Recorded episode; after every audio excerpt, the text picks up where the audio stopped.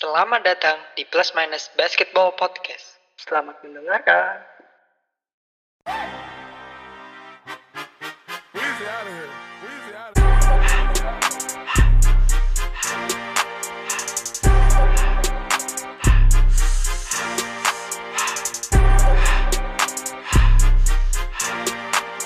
Welcome back to the new episode of Plus Minus Bas- Basketball Podcast with me, your host Raffi Rainur, alongside me as always, Rizky Ramadan aka Kipai. What is up, man? Yo, good man. Yap, yap. NBA is back, tapi baru scrimmage, so kita memutuskan untuk eh, kembali rekaman. Jadi ini official, first official episode. Dan buat kalian yang belum dengar, silakan dengar episode sebelumnya. Kita udah rebrand jadi Plus Minus Basketball Podcast, brought to you by Plus 62. Di episode sebelumnya kita introduction, juga kita kolaborasi dengan Awkward Network berbicara tentang NBA Playoffs dan NBA Awards. Check out Awkward. Network juga di Spotify. So, hari ini kita tidak berdua ya, Bapak Rizky. Iya, Bapak Reza. we have the we have the third star. Kita punya bintang ketiga, ah, bintang ketiga. Sebenarnya bintang utama sih. gue gue merasa curiga dengan kalimatnya ini Delegasi, Iya. delegasi. Iya. Karena eh, sebenarnya kita tidak eh sebenarnya kita kita butuh orang ini Pak sebenarnya. A- Ibarat Jordan sama- Pippen, Jordan sama Pippen nggak bisa Betul, menang kalau nggak ada Dennis. Rodman. Kalau nggak jadi ada gue Dennis. Iya nggak ada Jadi Dennis gua- Rodman juga kita- sih. Hal dia ya gue gue mm, bertugas untuk mengerjakan tugas-tugas kotor lah ya. Seperti Iya, menaik, tugas kotor. seperti menaikkan lis- Tugas- listener kita. nagi nagi nagin duit Iya. Iya. Menaikkan listener kita juga, nambah-nambah AdSense kalau ada itu juga. So, eh dia sudah pernah datang di episode 4 di season pertama di Zionism, tapi dia nggak ngebahas Zion sih, dia ngebahas LeBron udah pasti. Dan di Hmm. episode 5 Mah, kita bahas Damian. Lillard ya, kalau lo inget. Eh, ada Iya, Jibril, iya, iya. what is up? LeBron Siapa seksual gua? nomor satu di Jakarta Eh, Selatan. Gimana kabar lo? bukan di bukan di Jakarta Selatan baik baik Di mana? Di mana? Se sedunia Oh, sedunia. Nomor satu sedunia. Oke, oke. Mantap. Kayaknya itu harus di harus digoyang sama gue juga deh kayaknya. Kayaknya oh aduh gue nggak bisa nggak bisa merelakan lu di nomor satu ya. Tapi ya udahlah. Eh, Bril, gimana nih? Eh, Bril. Eh, iya benar, Bril. Lu apa kabar? Gimana kabar lu selama pandemik ini? Selama pandemik ini gue cuma mantengin doang ini kapan NBA dimulai lagi ya Maksudnya Yep. gue bo maksudnya gue bosan aja kita setiap kali postingan NBA gue nontonnya selalu klasik game, klasik game, klasik game. Udah gitu game tahun 1950 ditayangin lagi di YouTube, nonton hitam putih gitu. Tapi lu nonton Classic Game? Nonton gamenya ini eh Willis Reed dari New York Knicks. New York Knicks putih, hitam 1970. Putih, 1970 apa 50 itu kan? Kayaknya 1970 deh. 70. Willis, 70. Willis Reed Reed, Willis 70. Reed itu 70. Willis Reed. Nah. 70. Zaman zaman tembok Berlin belum hancur ya itu ya. Oh, belum, Pak. Belum, belum.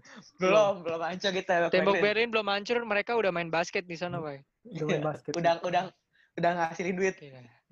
Eh, jadi kerjaan lu selama pandemi ini sebagai fans NBA lu nonton beberapa game klasik ya? Game klasik. Klasik iya. banget malah ya. Klasik Bener-bener banget. Klasik banget. Abad Bener-bener bukan klasik, tahun bener. lalu lagi, abad abad lalu. Abad lalu enggak juga lah.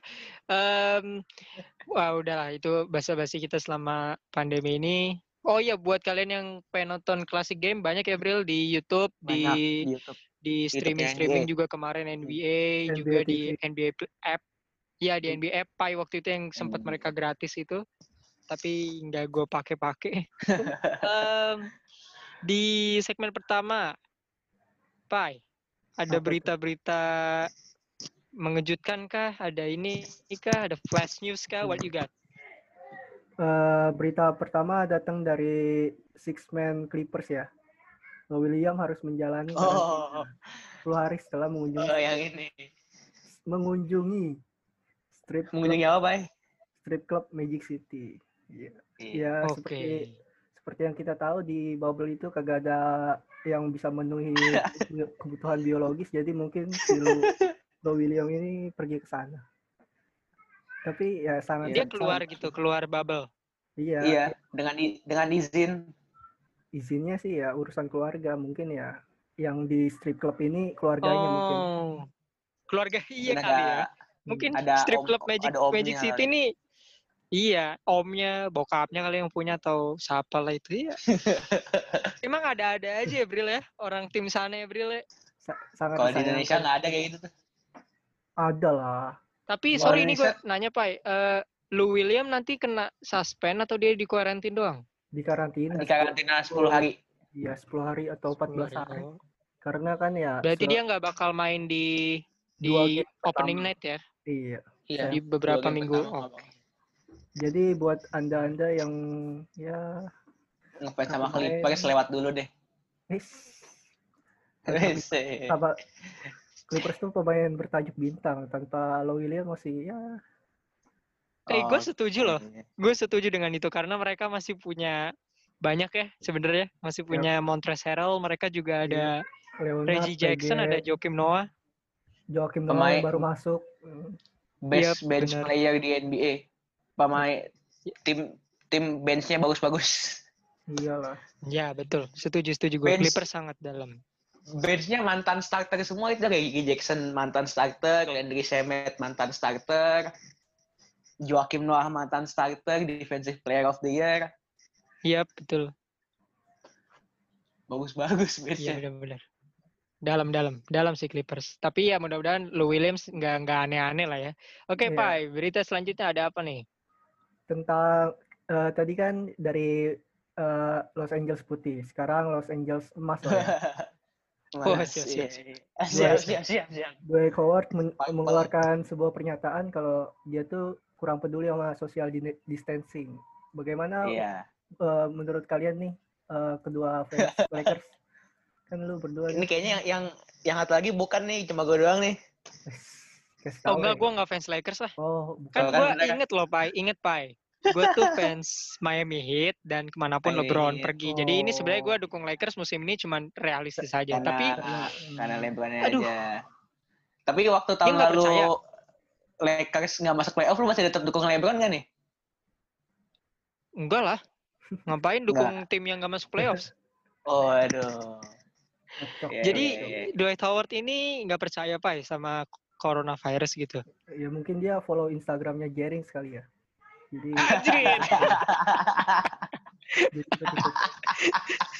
Oh mungkin Dwight, Dwight Howard Dwight Howard nih kalau di Indonesia dia pasti tinggalnya di Bali ya. Dia ikut Iya. sektenya Jerings gitu ya. Iya. Tolak. Iya. corona gitu kami tidak percaya. Tapi emang dia sempat ini sih sempat ke sempat ke jadi di bubble itu ada ada DJ-nya, bagian tempat DJ-nya dia itu cuman sendiri doang di situ. Cuma Itu lucu sih. Dia juga emang ke mana-mana nggak pakai masker. Ya mudah-mudahan lah nggak Kayak- kenapa-napa Lakers. nggak nggak kayak Semoga DPO. nggak semoga nggak kenapa-napa. Soalnya kan Demarcus Cousins udah nggak ada nih. Jadi kalau misalkan dia cedera bahaya nih susah lagi nanti. Iya benar-benar. Senternya dikit sih tapi. Jadi harus waspada. Oke. Iya benar. Eh Dwight Howard doang yang kayak begini tingkahnya atau ada lagi pak orang yang kayak gini? Eh, sejauh ini yang gue pantau masih Dwight Howard doang sih. Atau lu mungkin tahu Oke. referensi lain? Yang yang trending Dwight Howard doang sih. Iya. Ya, sejauh ini Ah. kayaknya Dwight Howard yang rada bandel ya, rada bandel, rada bandel di Eh. bubble. Jadi lu sebagai orang dalamnya bubble lu harus memantai-mantai terus, Pai. Sebelumnya sih ada. Iya benar Pak. Sebelum ke bubble sih ada. Best defensive player of the year. Cuman kayaknya udah kapok deh dia. Oh iya iya iya. Yang Oh, udah kapok, Doi. Iya, Dia udah kapok. udah kapok. Kapok sih. Gara-gara dia loh. Ada lagi nggak, Pai? News?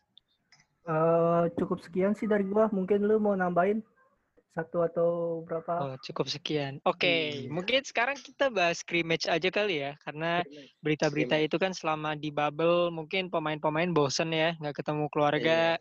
Si Jason Tatum sampai ceritain dongeng ke anaknya via FaceTime saking kangennya. Jadi ya kadang-kadang ada sesuatu yang di luar kendali kita. Syarat buat pemain-pemain juga yang mau mau tahan di bubble, kayak Victor Oladipo katanya dia kan nggak mau ke bubble sebelumnya tapi akhirnya dia ke bubble juga sih Demi- main juga sih sama demi Indiana. Pacers sama Indiana Pacers nah kita ngomongin scrimmage dulu nih tadi kan ada flash news sekarang kita bahas yang rada lebih lebih penting lah ya sebenarnya tadi penting sih Dwight Howard tapi untuk Kelly Oubre mungkin lebih penting Eh, tuh? Kelly, U- di Kelly Oubre. Pasang, Di pasangan kekasih itu ya? Enggak kekasih lah itu kekasih gelap lah kekasih gelap. Nah di scrimmage ini kemarin main sejak hari Rabu tanggal 22 Juli. Ya itu lumayan banyak lah. Jadi eh, ada beberapa tim yang udah pasti yang ada di bubble aja ya. Jadi kalau yang nggak ada di Iya. bubble jangan ditanyain. Jadi tim-tim yang Iya. ada di bubble itu udah main kayak kayak preseason gitu ya Bril? Kayak uji Iya. coba gitu. Ah, uji coba game. selama 4 kali 10 menit Iya.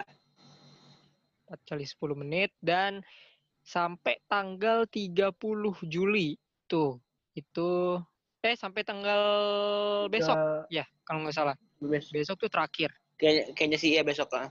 Tadi ada, ada jadwal Besok. Terakhir, Iya, tanggal besok. 28 hari ini podcast ini diambil itu tanggal 28 malam. Jadi ya bener besok terakhir scrimmage.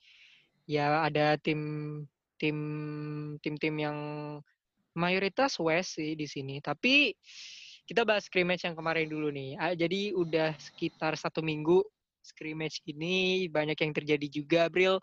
Lu sebagai fans NBA ngelihat scrimmage di hari pertama tuh perasaan lu gimana? ah, gua shock. Gua, gua waktu buka YouTube itu pertama kali gue nonton scrimmage itu Nuggets lawan ini ya apa pertandingan pertama Nuggets tuh. Wizard. Gue gue sampai nggak gue sampai nggak inget lawannya loh. Cuma Lawan inget Wizard, Nuggets Wizard. doang loh. Lawan Wizard gitu ya. Gila men, pick ball line up. Gue langsung shock itu kaget pas gue lihat. Yoi, yoi. Jadi gue nonton di YouTube itu nggak ada nggak ada diliatin starternya siapa aja. Cuma tapi gue perhatiin kan pemainnya baik-baik. Terus gue baru sadar itu nggak ada guardnya sama sekali forward semua. Iya benar-benar. Jadi si Denver Nuggets ini starting line up-nya itu ada Jokic di point guard. Sebenarnya se- gua nggak heran sih kalau Jokic ditaruh di point Iya. guard juga akhirnya. Hmm. Di shooting guard ada Jeremy Ada Grant, Grant, small forward ada Bol Bol, Hmm. power forward Paul Millsap, centernya Mason Plumlee dan ini Ya. gue breakdown tingginya ya. Jokic itu 7 kaki, Tujuh. Jeremy, Jeremy Grant itu sh- Six shooting nine. guard 6'9, 69, ball ball 7 7 Tujuh. something, 7 something lah gue Tujuh nggak mau nyebutin berapa takutnya minder, takutnya minder. Paul Millsap paling pendek 6'8". 68, Iya, Mason Plumlee 6 11. Nah, ya? Pai, lu melihat aduh gue nggak ngerti nih tim ini. Ini sebenarnya pertanyaan untuk ini ya, untuk untuk scrimmage ini aja. Misalnya nih Pai, Iya. misalnya Ah, in some point of regular season nanti iya. misalnya ketemu Rockets nih misalnya ya, misalnya aja. Misalnya ketemu Rockets nih. Ini bagaimana Pak nasibnya Pak? Ya main kucing-kucingan kali. gue kasihan sih sama Harden. Dia ya, Loh kenapa? Gue kasihan kasih nama PJ Tucker ke gue. nah itu. Karena dia center Rockets kan ya. Iya, betul, Iya. betul sekali. Dan dia harus Iya, ya dia- dia- harus ngeguard. Ya kasihan lah, Mason Plumlee, nggak ada harapan. Dan- Mason. Plumlee. Eric Gordon small forward harus ngejaga bol-bol. Iya, kalaupun itu ya pada akhirnya ya ya seperti itu aja. Jadi balik ke Denver Nuggets, mereka kan masang line up yang tinggi-tinggi. Satu nama yang cukup mencolok selama scrimmage ini nih bol-bol. Nah, bol-bol nih jadi Iya, bol-bol. ya bisa dibilang walaupun ini sebenarnya cuma uji coba ya. Sebenarnya ini cuma cuman uji coba lah, Iya. cuman preseason Bukan, bukan season, game ya, serius-serius ya banget. sebelum sebelum season ya nggak serius-serius banget tapi bol-bol pick ke 44 tahun ini akhirnya main 32 menit mencetak 16 poin di ini di game pertama ya 16 poin 10 Iya, game rebound pertama. 6 block terus di game setelahnya dia juga iya banyak highlightsnya ya dia shoot Hampir- threes dia Hampir ngeblok triple double loh ya kan? dia. Ambil triple double ya benar. oh iya blocksnya 6 loh hebat banget blocksnya 6 terus kalau nggak salah dia di game setelahnya itu 20 24 kalau nggak salah du- 20 ya pokoknya beberapa games tuh dia ya dia selalu bagus lah di preseason di game kedua lawan Pelicans bol bol itu lima, cuman short ya, 15 poin, 3 rebound, 3 assist, tapi dia drops 2 3 point. Ya. Bril, untuk orang seperti Bol Bol, ya kan kita selama regular season kemarin nggak nggak ngedengar sama sekali kan namanya Iya, Bol nggak Bol. nggak nggak sampai lupa. Eh, Iya sampai lupa bahwa oh dia sudah di NBA lah. Kemarin Dia di dia masih di kampus. Nah, lu melihat Bol Bol selama kurang lebih 3 sampai 4 games. Menurut lu gimana lu melihat rookie ini? ini ini kalau menurut gue sih ini kayak ibarat eh, emas yang disembunyiin ditumpukan aja sih. Bukan Nggak jeram, eh, kelihatan bukan Oh, tapi, siap, tapi tetap emas. Ya, Tetap Bukan- emas tapi nggak kelihatan aja dan baru ditunjukin aja sama Nuggets. Jadi ibaratnya sebenarnya bol-bol tuh main bagus. Tapi karena emang mereka punya Nuggets itu punya starter apa starter aslinya emang bagus-bagus banget selama season kemarin gak bol-bol nggak punya kesempatan untuk untuk tampil akhirnya dikasih tampil ya jadi gila lah performanya emang bagus banget Ro- Rocket Sampai menangis harus- melihatnya. Iya. Sampai harus sampai harus di drug test loh. Bol Oh, loh. Iya, iya loh. Sampai di di game test pertama loh. itu jadi drug test ya. Dia di drug Tes test. narkoba. Emang sorry, gue nanya ini, Bril. Kenapa eh ini ini ini eh, pendapat lu aja. ya. Kenapa akhirnya bol-bol harus di drug test? Eh, ini sama kayak performanya siap eh, siapa tuh yang pernah kena drug test juga lupa gua. Jadi nggak pernah main sama sekali, dapat kesempatan main langsung main bagus. Menurut official NBA ini kayaknya udah suntik dari beberapa lama untuk nyiapin Eh. game ini karena mungkin udah siapin kalau misalkan dia bakal bisa jadi starter bakal dapat menit poin yang banyak. Jadi mungkin official NBA itu ngakuin drug test karena takutnya performanya itu bagus karena dia pakai narkoba dan sejenisnya mungkin. Eh, drug test itu apa doping itu masuk ke drug nggak sih? Kalau doping? masuk masuk Iya, iya. Oh, Doping itu salah doping- satu doping salah satu salah narkotika. satu yang dilarang ya, dilarang di dunia Ah. olahraga kalau doping. Jadi ya, gue setuju sih kenapa akhirnya dia di drug test karena 6 blocks. Ya, meskipun 10 lawannya. Wizard doang ya, meskipun Iya. lawannya Iya. Wizard doang, tapi ya bol-bol men, Untuk bol-bol. untuk Jadi ya, penampilan pertamanya ya. Itu Iya, untuk yang penampilan cukup- pertamanya ya, eh, itu penampilan pertamanya bagus. walau nggak official, tapi dia ya lumayan sih, lumayan banget sih menurut gue untuk seorang Bagus untuk- ke-44 Iya. gue ngelihat dia lari tuh terus lompat tuh gue kayak eh eh mas hati-hati mas gitu loh. Kayak aduh kakinya tuh kan Tak- takut takut kurus banget dia eh, tinggi. Tinggi banget kurus gitu. Terus gue kayak ngeliat kakinya tuh men pelan-pelan anjrit lu mau cedera lagi Yang kata dia pas latihan aja tuh yang dapat passingnya Jokic terus lompat tinggi banget. Ada tuh training oh iya juga iya bagus tuh. video video latihan ya Emang Kalau Iya, dia kalau kalau dia main di masanya Shaq Kobe gimana ya? waduh, parah tulang mungkin ya. Nggak tahu sih ya. Soalnya kalau zamannya Shaq sama Kobe tuh nggak ada pemain tinggi kurus sih. Iya. Kalau tahu gua ya. Di dang apa apa sih? Diinin Shaq apa? Gue lupa istilahnya. Posteris ya, posteris poster. sama ya, Iya di, posteris sama di poster kayak sama Shaq gimana ya itu? Shaq dan kawan-kawan. karirnya mungkin selesai di game pertama Di teman-teman di scrimmage doang karirnya. di scrimmage doang mungkin selesai lah Tapi kalau ngomongin Nuggets, tadi kan kita sempat nyinggung Clippers dengan kedalamannya. Nah Oh, ini iya. gue ngeliat rosternya Nuggets, ini termasuk bol-bol ya, termasuk Iya. bol-bol. Kayaknya dalam juga sih Nuggets, walaupun tidak sebagus Clippers ya, tapi menurut gue ini solid. Jadi Nuggets nih punya Jamal Murray, Paul Millsap, Jeremy Grant, Jokic, Barton biasanya di starting lineup.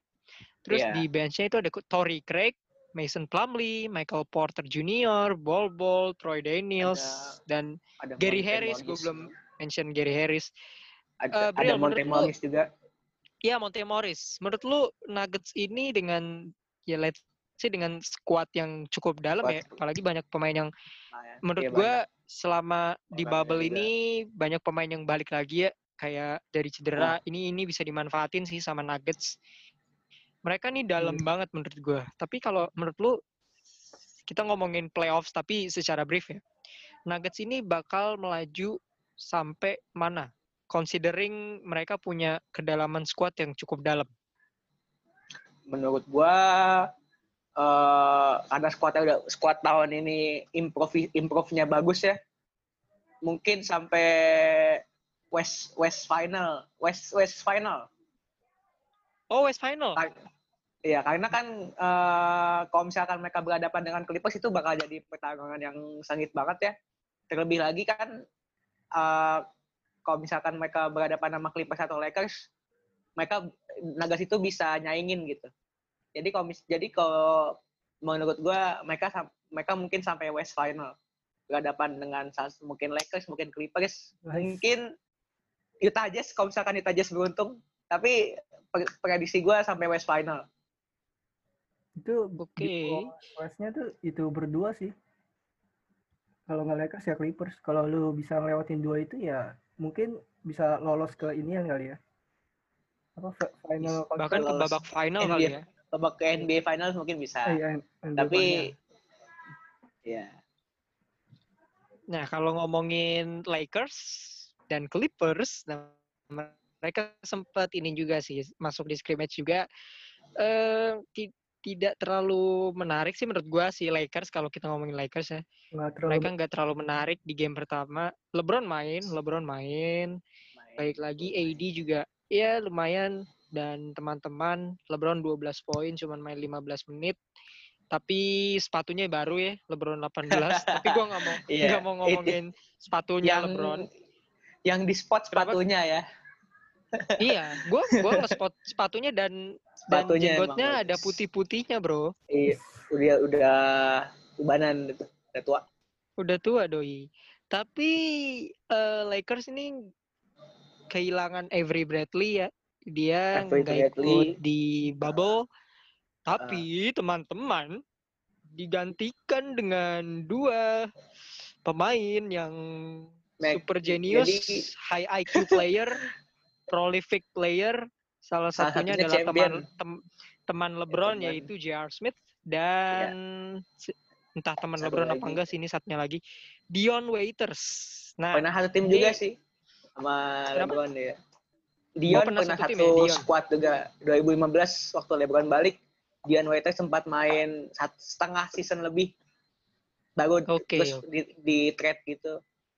Oh dia di trade ke Oklahoma- ini ya kalau nggak salah tuh Oklahoma City Thunder. Oke sih, ya, ya, ya, ya, Iya. Dion Waiters. Nah, sebelum gua ke lu, Bril, sebagai fans Lakers nomor satu di entah di daerah mana, mungkin gua ke Kipai dulu ya sebagai pembenci nomor satu. Lu kalau aduh, ngeliat Oh, loh, saya tidak penambahan, membenci. Saya tidak oh iya tidak membenci, musuhan tidak suka, tidak suka, tidak suka. Nah, Lakers nambah dua pemain yang levelnya tuh jauh banget di atas Clippers. Ini dua pemain yang menurut gua Clippers nih nggak punya nih yang kayak gini nih. Clippers nih nggak punya pemain-pemain yang kayak gini. Nah, lo Yang sebagai sebagai ini ini melihat sebagai fans NBA aja ya. Iya. Penambahan J.R. Smith dan Dion Waiters menurut lo gimana? Untuk Lakers, untuk Lakers. Ya kalau menurut gue sih ya biasa aja, nggak begitu wow. Soalnya kan Wah. Apa ya tadi gue mau ngomong apa lupa kan anjing. J.R. Ya. Smith loh. Ya J.R. Smith kan ya dia tuh gimana ya pemain yang kalau kalau lagi bagus ya bagus, kalau lagi jelek ya bisa gagalin LeBron ke final. Apa ngangkat piala malah. Ya itu kayak pedang bermata Ah. pedang bermata dua sih kalau mau mainin J.R. Smith. J.R. Smith. Tapi ya gue berharap gue berharap si JR ini kayak apa kayak pengen nebus kesalahan dia di mu- musim-musim lalu yang bersama LeBron itu tapi ya Oke. Lebih lebih ke penebusan kali ya. iya Karena kalau udah tim LeBron, kalau lu udah timnya LeBron tuh kayak kalau lu udah kenal LeBron ya, LeBron tuh Iya. menurut gue jeleknya emang orangnya tuh sedikit KKN ya. Koalisi Nepotisme. nepotisme tuh LeBron selalu teman-temannya dimasukin ke dalam dalam timnya. Tapi Bril, lu sebagai fans Iya. Lakers dan LeBron, penambahan Dion Waiters dan J.R. Smith ini bakal berpengaruh nggak sih ke ah mereka nambah ini juga deh, gue lupa. Iya. Markif Siapa? Morris. Ini nih Oh ya, sebelum ini. sebelum ini sebelum Iya sebelum ini. stop ya. Sebelum corona. Sebelum iya sebelum stop, sebelum stop. Tapi ke Dion Waiters sama J.R. Smith dulu deh. Dua-duanya Hmm. shooters ya kan, hoopers. Shooter, Dion Hooper, Waiters bisa ISO ball Gal- juga, J.R. Smith catch and shoot player. iya. Lu melihat penambahan kedua pemain ini gimana? Eh, ini maksudnya bukan sesuatu yang mengagetkan buat gue sih karena emang sejauh pengalaman gue mantengin LeBron dia tuh emang nggak bisa main sama pemain fresh fresh player dia nggak dia nggak pernah bisa main sama fresh player pemain-pemain baru kayak tahun 2018 dia yang Du- di Rose, Dwayne Wade ditukar sama pemain-pemain muda semua dia nggak bisa. Yang di final kalah 2018 terus juga kemarin 2019 ada Brandon Ingram, Lonzo Ball, Josh Hart pemain muda tapi dia nggak bisa. Jadi emang benar Le- LeBron James tuh lebih cocok main sama pemain veteran ya kayak J.R. Smith, Dion Waiters. Itu gue gue perhatiin emang Lakers itu skuadnya udah pemain veteran semua itu.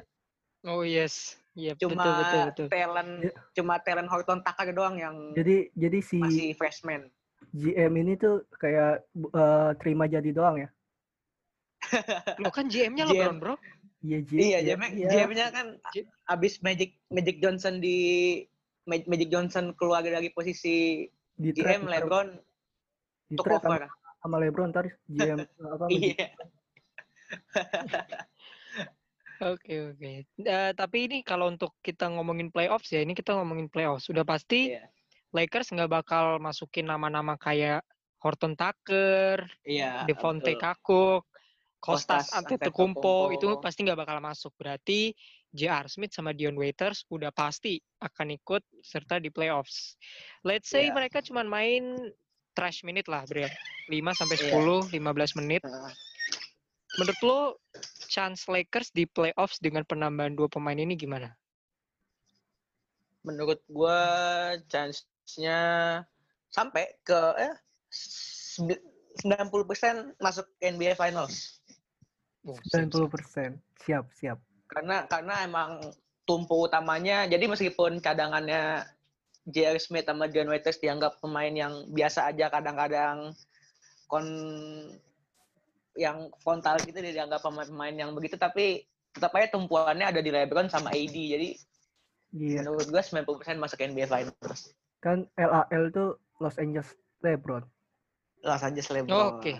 Gue Ya. kira Los Angeles loser, tapi ngomongin Waduh. Lo- sorry sorry ngomongin Los Angeles eh, ada Clippers. Ini kita short short Ya. ini aja short brief ke Clippers karena seperti biasa kalau tim lu ada Kawhi Leonard pasti nggak bakal diekspos media. Jadi kayak ya udah gitu. Tapi Clippers nih nothing new. Cuman Joakim Noah sih penambahannya Joakim Iya. Noah, Joakim tapi udah old, udah pasti dia udah old parah. Lou Williams di scrimmage lumayan di game pertama lawan Magic 22 points, di game kedua juga Di game kedua dia nggak main. 18. Lou Oh di game kedua nggak main ya? Ini yang nggak main. oh dia udah sorry dia udah udah udah itu ya sudah Udah isu-isu mantap itu. eh ini gue mungkin nanya pertanyaan yang tadi gue Oh, iya. tanyain mungkin ke Kipai deh.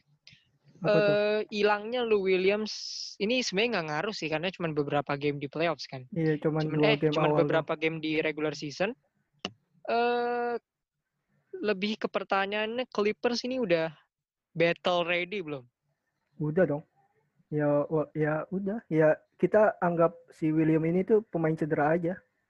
Kayak ya cuman kehilangan satu pemain doang dengan sisa pemain yang siap mantap dari bench dan starter starter itu udah bisa lah ngalahin Los Angeles yang sebelah atau tim yang full 6-9 ke atas.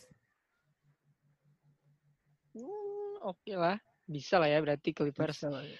Ya Clippers kalau nggak salah ya masih bisa untuk dia kan belum belum ini ya Bril kalau nggak salah. Clippers nih belum clinch playoff ya. Kayak Lakers kan udah udah Oh, udah, pasti masuk udah. playoffs. Oh Clippers, sudah. Clippers sudah Gue tadi lihat di NBA standings tadi udah. Gua, Oh udah ya cek, ini di, apa, ini juga cek udah lagi dulu ya. Ah, Kayaknya Eh, yang udah Clippers- pasti oh, iya, masuk iya, tuh iya. udah Clippers tiga sudah itu. udah udah clinch udah clinch playoffs. Oh iya ya. Udah udah. tinggal Dallas Mavericks sama Memphis. Nah, ini kita ngomongin Dallas Hmm. Mavericks sedikit. Luka Doncic sedikit lebih eh, berotot sama kayak Jokic. Tadi gue belum sempat singgung singgung Jokic sih. Iya. Jokic kan udah kurusan ya, udah udah ini. Walaupun menurut gue eh tidak ada perubahan sih untuk gaya permainan Joker ya. Gue gue belum belum belum merasakan kayak dia lebih cepat atau dia lebih atletis. Tapi kalau Doncic, Doncic ini pas lawan siapa ya kemarin ya? Kemarin atau kemarin tanggal 26 Doncic pas kalah lawan Pacers itu dia scoringnya men gila sih 20 poin 11 rebound 9 assist near triple double nah Bril eh ngomongin pemain kesukaan gue juga Ya. Mavericks eh di atas kertas di atas kertas nih ya, di atas kertas atas melihat kertas. timnya dan Luka Doncic Ya. bisa nggak mereka secure playoffs dengan regular season yang lumayan berat sih untuk mereka itu semua kalau menurut gue ya eh star playernya Mavericks, Doncic sama KP kan mereka punya kemungkinan berhadapan di playoff ronde pertama lawan Clippers nih karena dua lawan tujuh kan.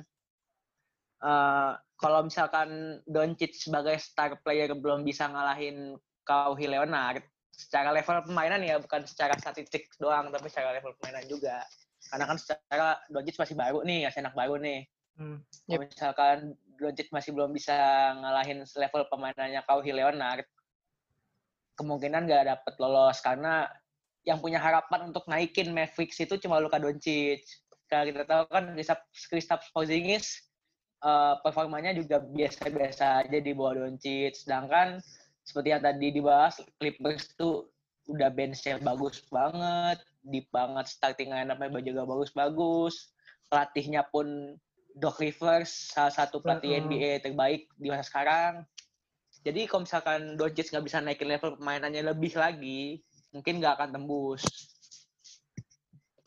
oke gitu. jadi Menurut Doncic gitu. harus harus improve lebih banyak ya karena menurut gue Iya. gue ngelihat dia selama di Instagram sih dia workout banyak. Termasuk dia sempat di game lawan apa ya? Dia ngedang walaupun menurut gue itu dang biasa. Kayaknya lawan Lakers kalau nggak salah. Correct me if I'm wrong. Kayaknya lawan Lakers dia sempat eh, step back. Step backnya dia lawan Anthony Davis juga. Tapi Iya. ada beberapa hal yang menurut gue Doncic ini siap untuk playoffs walaupun ya lawannya Clippers ya. Tapi menurut gue ya mudah-mudahan Doncic untuk musim depan dia bisa berbahaya kalau dia bisa menambah let's say menambah masa ototnya lah ya karena eh, menurut gue Mavericks dengan Kristaps Porzingis masih belum unproven kayak kata lu mereka butuh step yang lebih jelas karena Kristaps sendiri sticky, heeh. Iya, Kristaps sendiri kayaknya nggak ada nggak ada ini sih, nggak ada perubahan signifikan. Ngomongin soal perubahan signifikan, kita ngomongin West sedikit sedikit aja. Eh, perubahan signifikan ada di salah satunya Portland Trail Blazers. Heeh.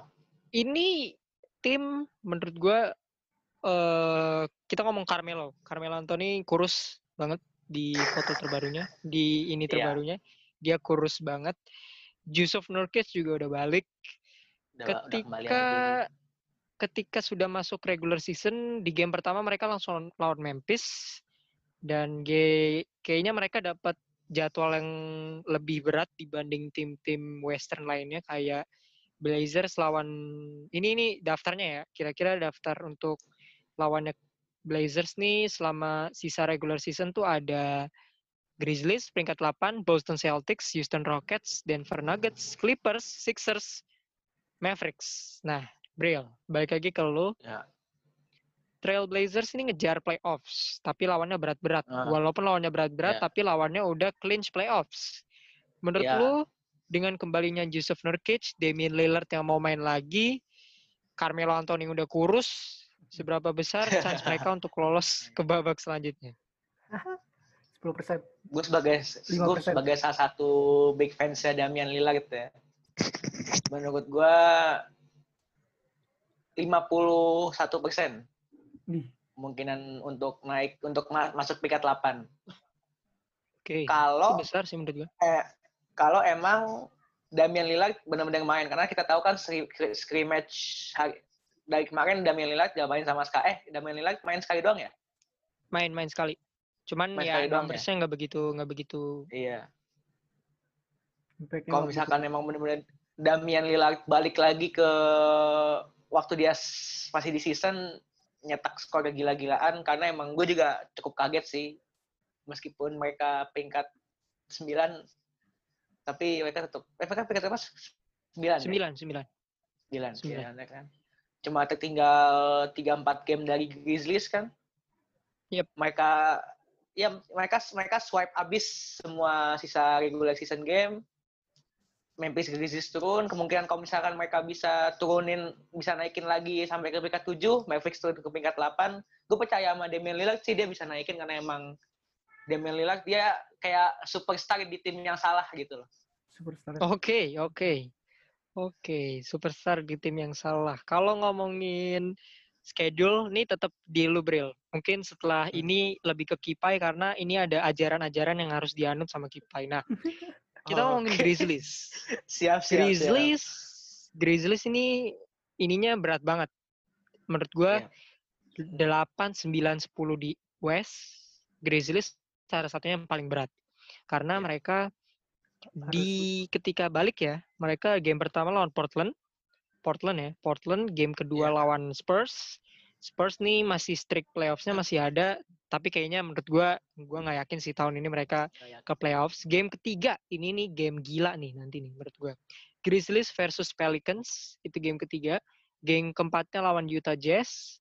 Terus habis itu ada lawan OKC, lawan juara bertahan Raptors, lawan Celtics sama lawan Milwaukee Bucks dan Giannis Antetokounmpo. Nah, ini gamenya berat banget sih menurut gue.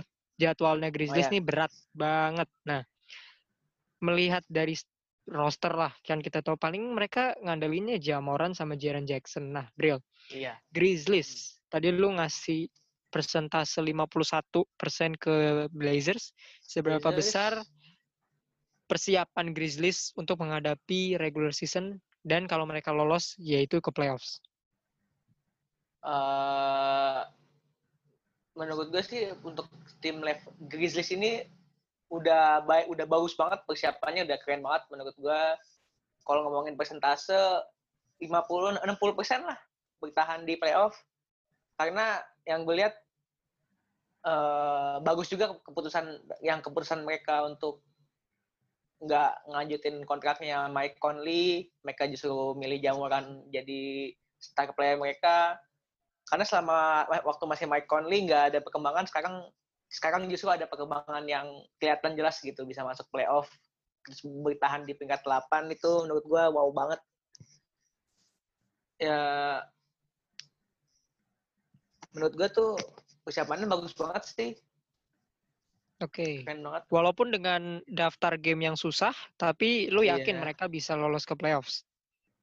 Ah, eh, lolos playoff bisa yakin karena kalau misalkan anggapannya mereka dapat lawan yang susah mereka mereka bisa ngatasin lawannya itu sih.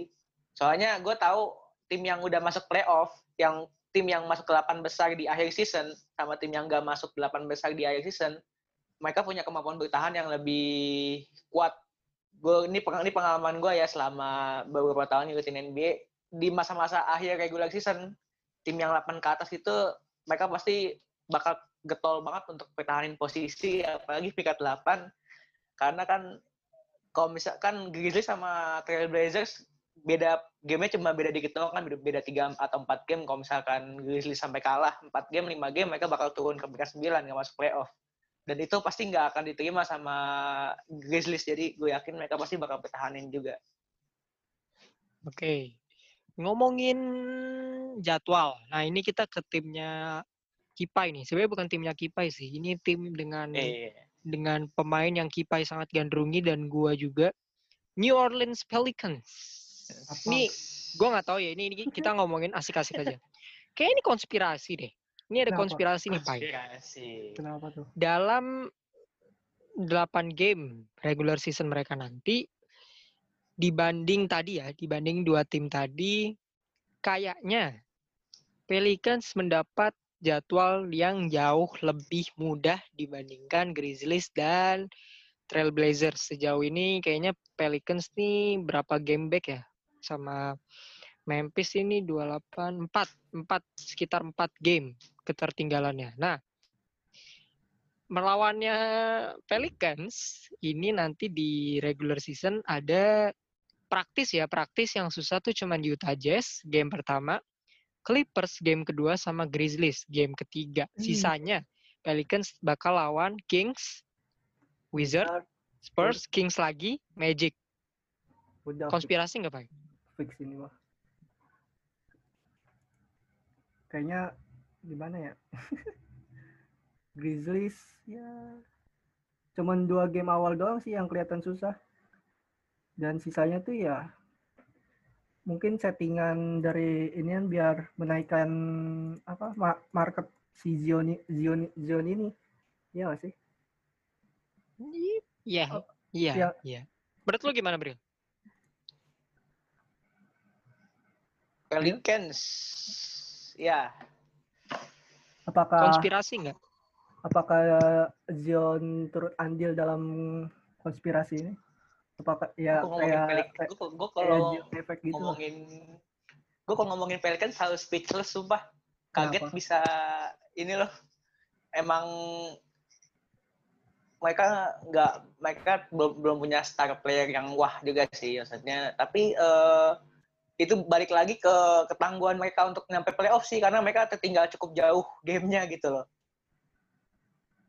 Iya, meskipun iya. dapat jadwal yang dapat jadwal yang mudah ya tapi mereka tertinggal gamenya cukup jauh Eh, kalau misalkan mereka di peringkat 9 mungkin gua gua naruhnya apa ya kalau ngomongin persentase lagi nih ya ngomongin iya presentasi ngomongin berapa? persentase mulu persentase gua 40 45 persen mereka sampai ke playoff peringkat 8 peringkat 8. Ya, dengan jadwal yang mudah seperti itu tapi gamenya ketinggalan jauh kan lumayan jauh ketinggalan tuh karena mereka mereka peringkat mereka peringkat 10 apa 11 tuh 10. 10, 10 ketinggalan 10. 4 setengah game. Nah, dengan pas setengah game.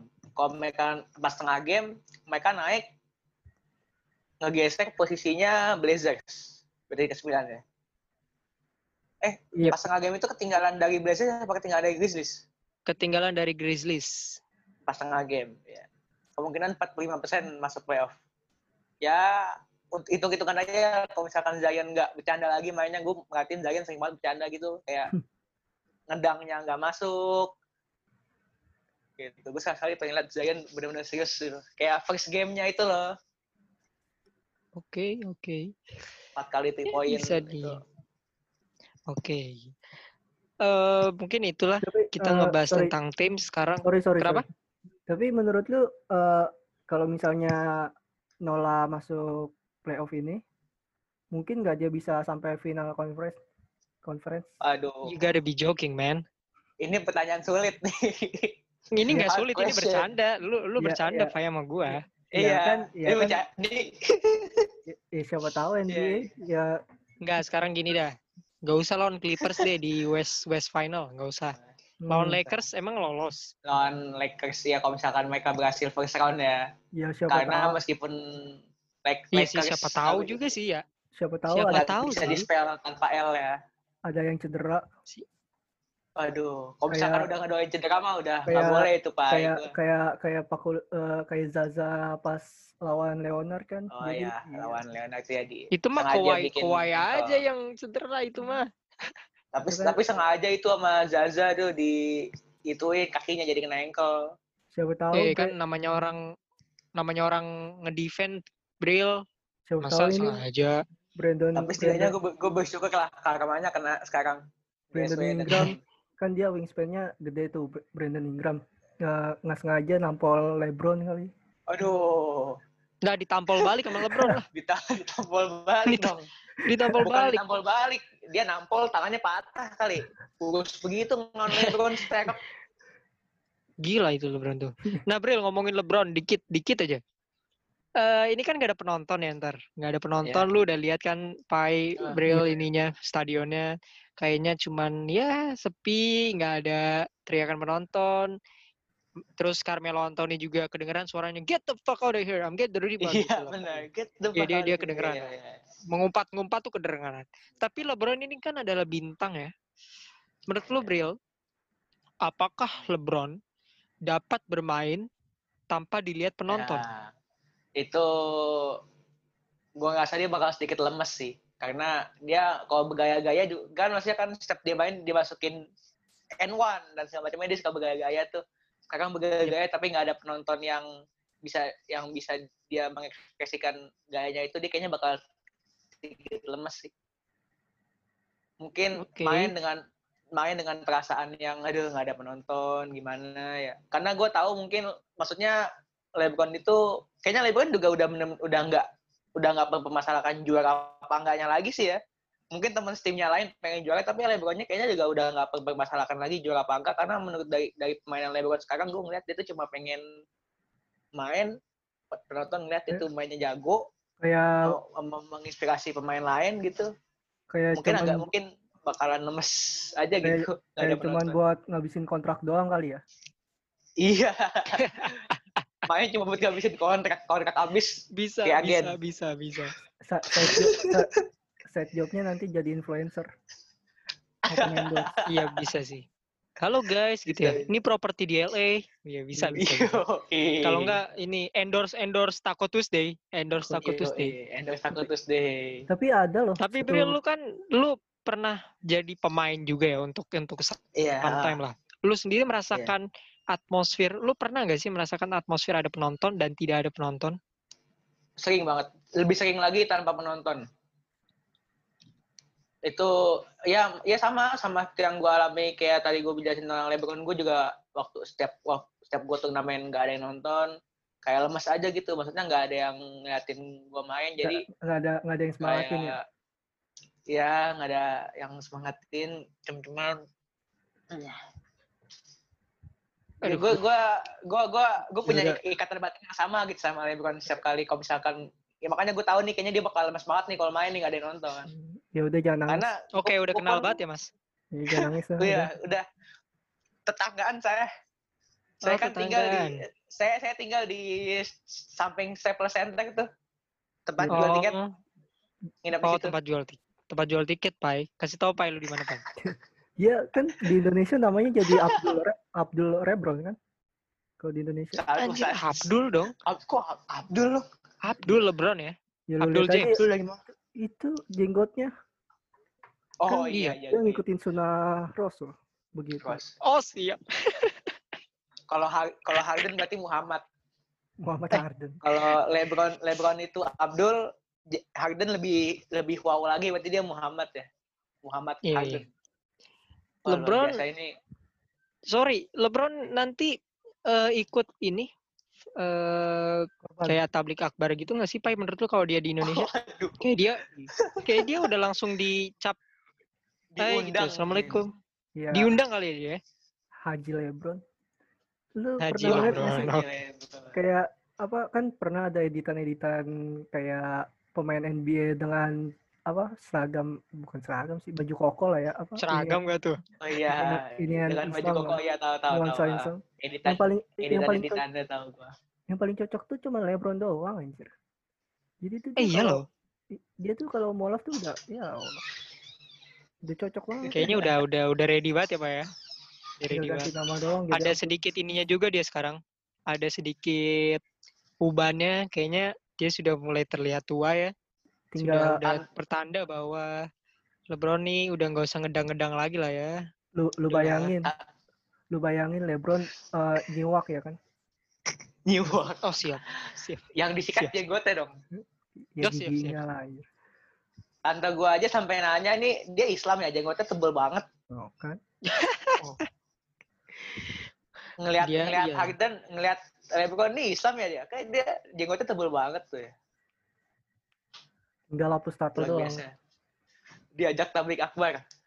Luar biasa. Iya bisa tuh, bisa bisa. Nah, em, kita sudah mencapai ending di acara ini. Ja- tapi gue mau nyebutin dulu ini kar- karena namanya plus minus ya, Bril. Lu Hmm. tahu nggak Bril kenapa namanya plus minus Bril? Bro, itu nggak tahu tuh gua tuh kenapa tuh. Gue juga kaget sih Tapi lu tahu nggak, Bro, ada-. Ada seta- ada statistik namanya plus Oh minus. iya, eh, tahu pasti statistik plus minus. pasti Anda belum mendengarkan episode ke 2.0 ya, introduction. Iya, dia belum, belum. Maka, belum. makanya dengerin dari sekarang. Oh, aduh. siap, siap, siap. Dan bantu share. S3 marketing. Yo yo Marketing siap. Abis ini langsung gue akses. yo. Artinya plus minus, Bril. Menurut Plus lu? minus itu jadi apa ya? Gue gue nggak gue kurang sih. Setahu gue plus minus itu eh, keefektifan lu keefektifan pemain di lapangan gitu ya. Setahu gue ya. Kalau misalkan iya. itu Bener, Pai. efek- Bener, efektif Pai. banget. Pemain sejati emang. Lu doang Bril. Teman gua Bril. Emang emang emang bener gitu maksudnya itu? Gue nggak ngerti sama sekali. Benar, benar. Gue gue nggak bohong, gue nggak bohong benar.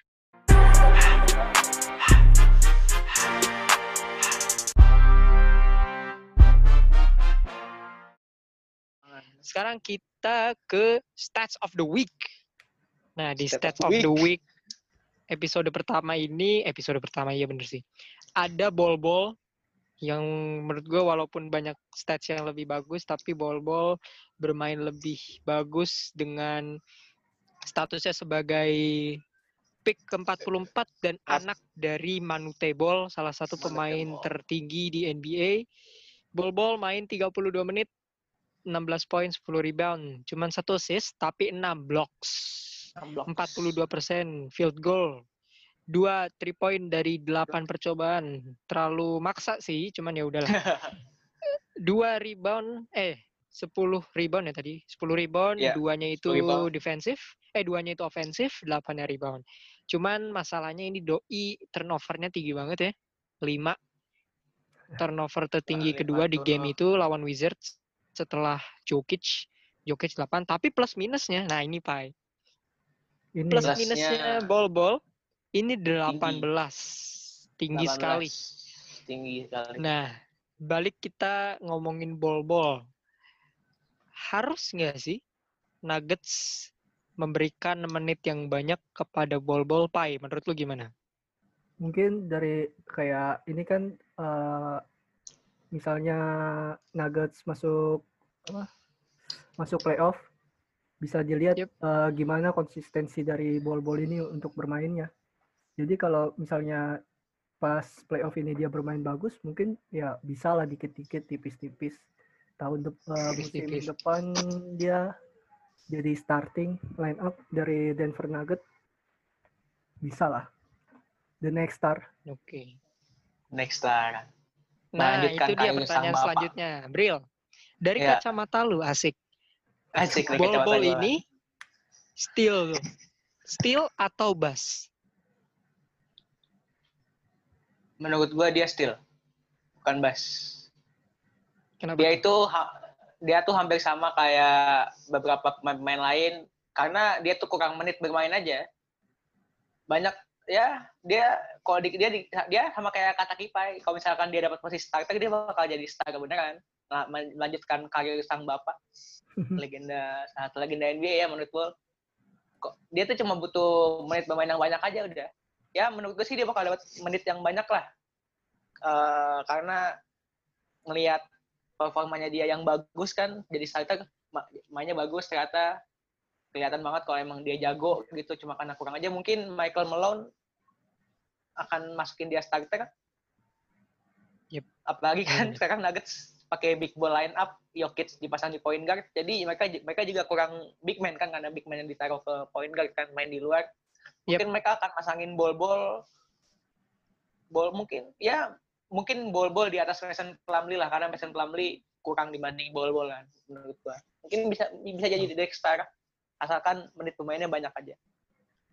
Plus Oke. minusnya 18 gede itu Gede banget, men. Gede banget, men. 18. Ngomongin soal stats, ada satu, ada dua, dua pemain lagi di stats of the week. Satu, ini sebenarnya pemain ini cuma mau gue bawain untuk satu stats saja. Ben Simmons, Ya, satu three point, dua, actually dua ya, dua. Sorry, sorry. satu- Let me let me recheck, let me recheck, let me recheck. Eh, Dua. ben Simmons akhirnya menunduk, eh menundukkan, memasukkan three points di scrimmage scrimmage. yaitu game sebanyak pertama satu sebanyak satu doang sih iya. tapi tetap sebanyak trending satu trending dong. Namanya nggak bisa shoot tiga.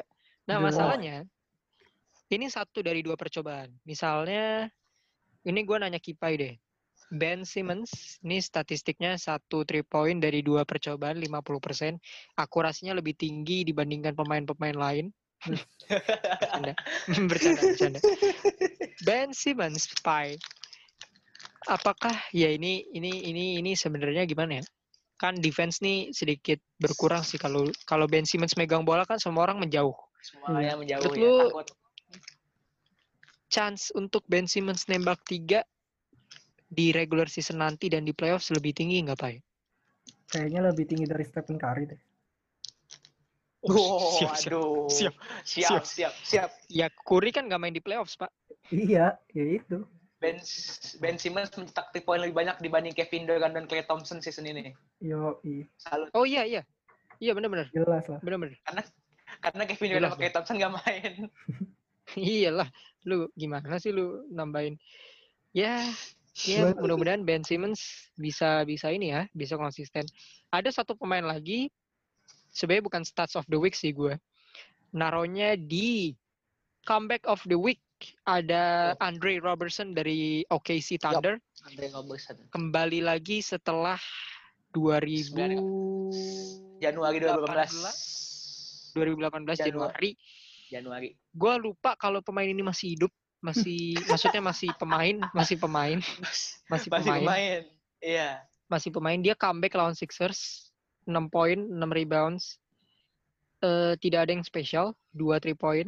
Tapi sinyalnya adalah menurut gue ya dari dari kacamata gue aja ya. Karena sebenarnya Andre Robertson adalah salah satu pemain yang cukup di di di sebelum dia cedera ya. Dia itu top defender lah. Top- Apalagi dia sempat dua three pointnya dia ini fun fact dua dua three pointnya dia itu clutch three pointer di menit-menit Iya. terakhir.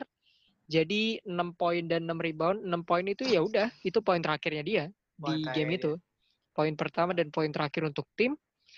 Menurut lu, Pai, dengan kembalinya Andre Robertson ditopang dengan poin guard terbaik sealam semesta, menurut lu Thunder berapa jauh nih?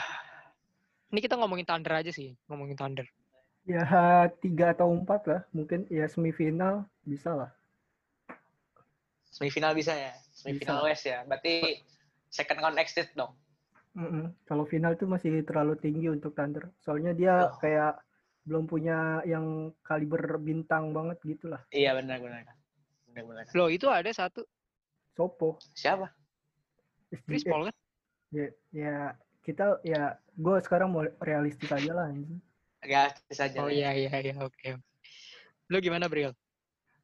eh eh, ya gue sih salut untuk Andre Robertson karena agak oke sih dap oke sih dapat apa kembali lagi defensive player mereka.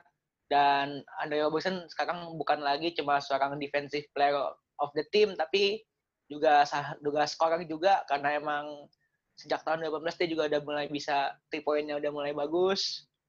Bukan lagi karena pernah pernah ada isu kalau Andre Robertson tuh cuma bisa defense doang nggak bi- nggak bisa offense gitu. Pernah ada isu kayak gitu Yep. dulu tapi sekarang udah mulai naik ya mungkin sama kayak Kipai semifinal West lah Oke. Semifinal West untuk OKC.